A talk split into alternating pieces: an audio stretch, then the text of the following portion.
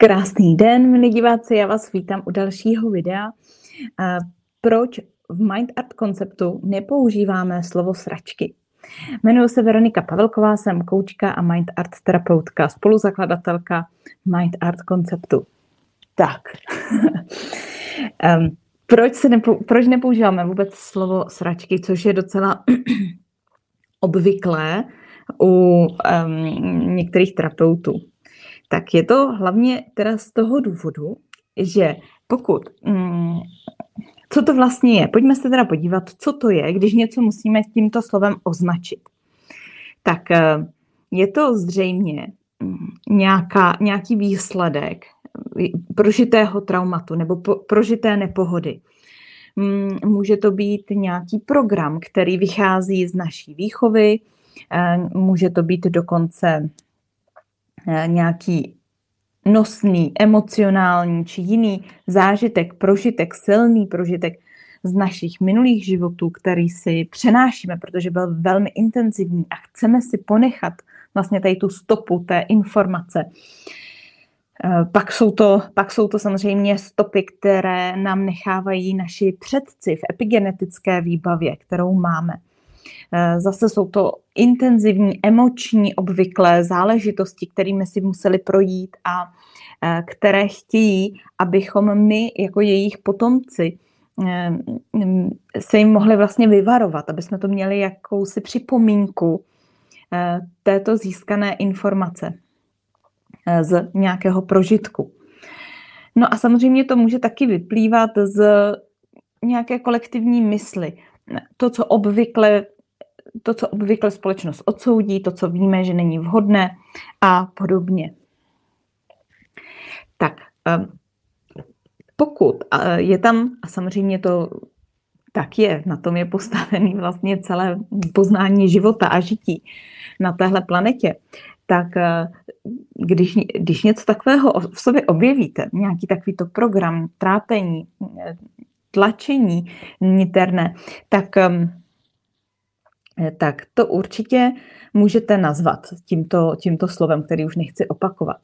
Ale eh, když se na to podíváte, proč vlastně k této disharmonii ve vás eh, došlo, k čemu to vlastně bylo dobré, jestli to tak trošku není nas, ne na schvál, ale jako zbytečné, tak eh, když se k tomu teď společně, pojďte si něco takového představit. Co tam máte? Co máte na pozadí své mysli jako, um, co byste mohli označit tímto slovem? Tak a ty konce, ty konce na to hm, podívejte, k čemu to je vlastně dobré. A je to k něčemu dobré? No a No tím můžete přemýšlet ještě eh, nějakou delší dobu. Samozřejmě tu odpověď na to nemusíte nalézt i hned, někdo ale ano. A já budu rovnou teda povídat dál.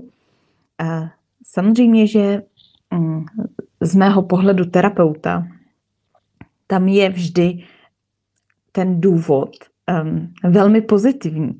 Vždycky se nám děje to, co se nám dít má, aby nás to obohatilo. Říká se taky, že na žádnou, žádnou horu nenapadne víc sněhu, než kolik může unést. I na nás napadají, vlastně dopadají na nás různé, eh, různé záležitosti, ať už rodinné, či z minulosti. A ty nás vedou k tomu, abychom konali, abychom se rozhodovali nějakým způsobem. Jsme tím vlastně vedení, jsme vlastně v nějakém tahu již prožitých již prožitých eh, vlastně zkušeností. A z tohoto tahu se dá vymanit. A dá se z ní vymanit mnohem lépe, pokud to bereme jako příležitost k tomu se vymanit. Abyste se z těchto jednotlivých programů, limitů, um, já nevím, různých obav um, mohli vymanit, tak je potřeba přijmout tu jejich kvalitu, kterou mají. A t- na té kvalitě, když ji když ji vlastně prohlédnete, když ji prozříte, ten pravý důvod, proč k vám přišlo to, co k vám přišlo, tak porozumíte tomu, že vlastně je to obrovský boží požehnání, že je to vlastně obrovský, obrovská příležitost k tomu, abychom se ještě více poznali, více posílili, víc um, vlastně zažili ten život, jaký skutečně um, pro nás má význam. A to je obrovsky cené. A vlastně o tom je celý, celý ten život, o tom prozírání, o, o tom vymanění se z nějakých iluzí. A jednou z těch velkých iluzí dnešní doby je, že vlastně to nazýváme takto hanlivě a přitom jde o obrovskou příležitost. Podívejte se, když teď řeknete, jsem plná a teď si tam dosadíte to slovo z nadpisu. No a jak se cítíte, když si řeknete naopak ještě jsem plná příležitostí? Je to rozdíl? Cítíte to jinak? Já věřím, že ano. A pokud to teda cítíte jinak, no tak nemusíte vypínat video, můžete pokračovat dál v poslechu. pokud to cítíte uh, stejně, že to slovo a příležitost je stejné, tak uh, to, to rovnou vypněte. No a my teda pokračujeme s těmi, co zůstávají, tak pokračujeme ještě chvilinku dál.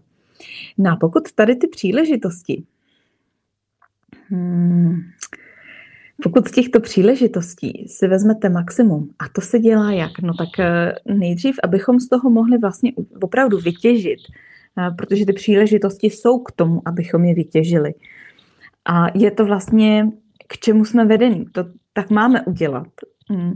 Tak eh, ty příležitosti vlastně je potřeba pořešit právě v, buď v té minulosti, protože se to třeba týká těch minulých životů, nebo je potřeba zabrousit k těm předkům a k jejich prožitkům a pomoct jim, jejich energiím, i když tedy už nežijí, pomoct jim, těm energiím našich předků eh, dojít toho prozření. Protože pokud jim umožníme, aby dospěli toho prozření, tak to prozření se přenese samozřejmě i na nás. Tam se vlastně to řetězení mm, toho, eh, toho eh, toho prožitku silného eh, přeruší. Protože ten hřetě se vyřeší, do, dospěje svému konci. A tím pádem vlastně to na vás nepřechází. Nepřechází to ani na vaše děti, ani na další budoucí generace. A právě díky tomu se vlastně stáváte svobodnými. No, a toto by vlastně měl, absolutně měl. To je vlastně nutná povinnost každého terapeuta, který chce pracovat co nejčistěji, aby toto vlastně si dal šanci a zpracoval to u sebe, aby s tím uměl pracovat i u klientů. Není možné si to držet jako nějakou zajímavost, jako nějaký špek, na kterým budu stavět svoji osobní značku. Eh, je to za prvé zbytečné a za druhé velmi komplikované a stále svazující. Proč bych si měla držet něco, co mě neustále svazuje a vlastně předávat to eh, dál v práci s klienty. To jak si úplně jakoby postrádá ten smysl. A hlavně postrádá smysl nazývat to tím hanlivým označením. Protože tam pak dochází vlastně k hrubému nepochopení eh, života jako takového.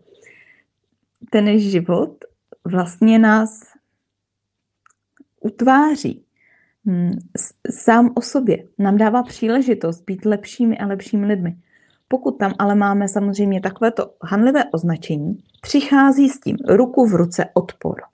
Pokud máte k něčemu odpor, Protože samozřejmě nic tak hanlivého nechcete mít, takže to je jako fuj a jděte s tím pryč.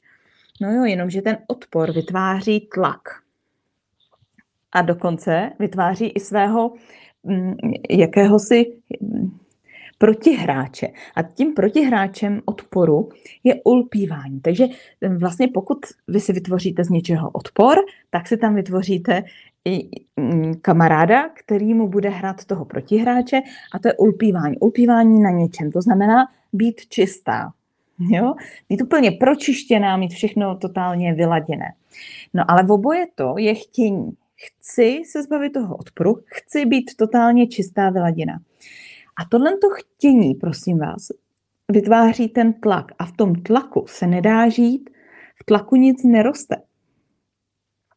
V tlakové komoře vám asi těžko rozkvete květina. Tlak jako fyzikální veličina je velmi pro život nekompatibilní a je v tom velmi nepříjemně. A proto ve chvíli, kdy tomu dáte označení příležitost, tak jak se tam ten odpor uh, úplně odpadá a odpadá tam i ulpívání na nějakém musení. Ve chvíli, ve chvíli kdy tyto příležitosti nazýváte příležitostma, tak uh, jste vlastně otevření tomu daru, který vám přináší, tomu poznání, který vám eh, přináší. No a to je přece skvělé. To je prostě úžasné se svést na téhleté vlně této příležitosti. No a tím pádem to jde mnohem lépe je to snažší práce sama na sobě. Takže vám přeju krásný zbytek dne bez odporu.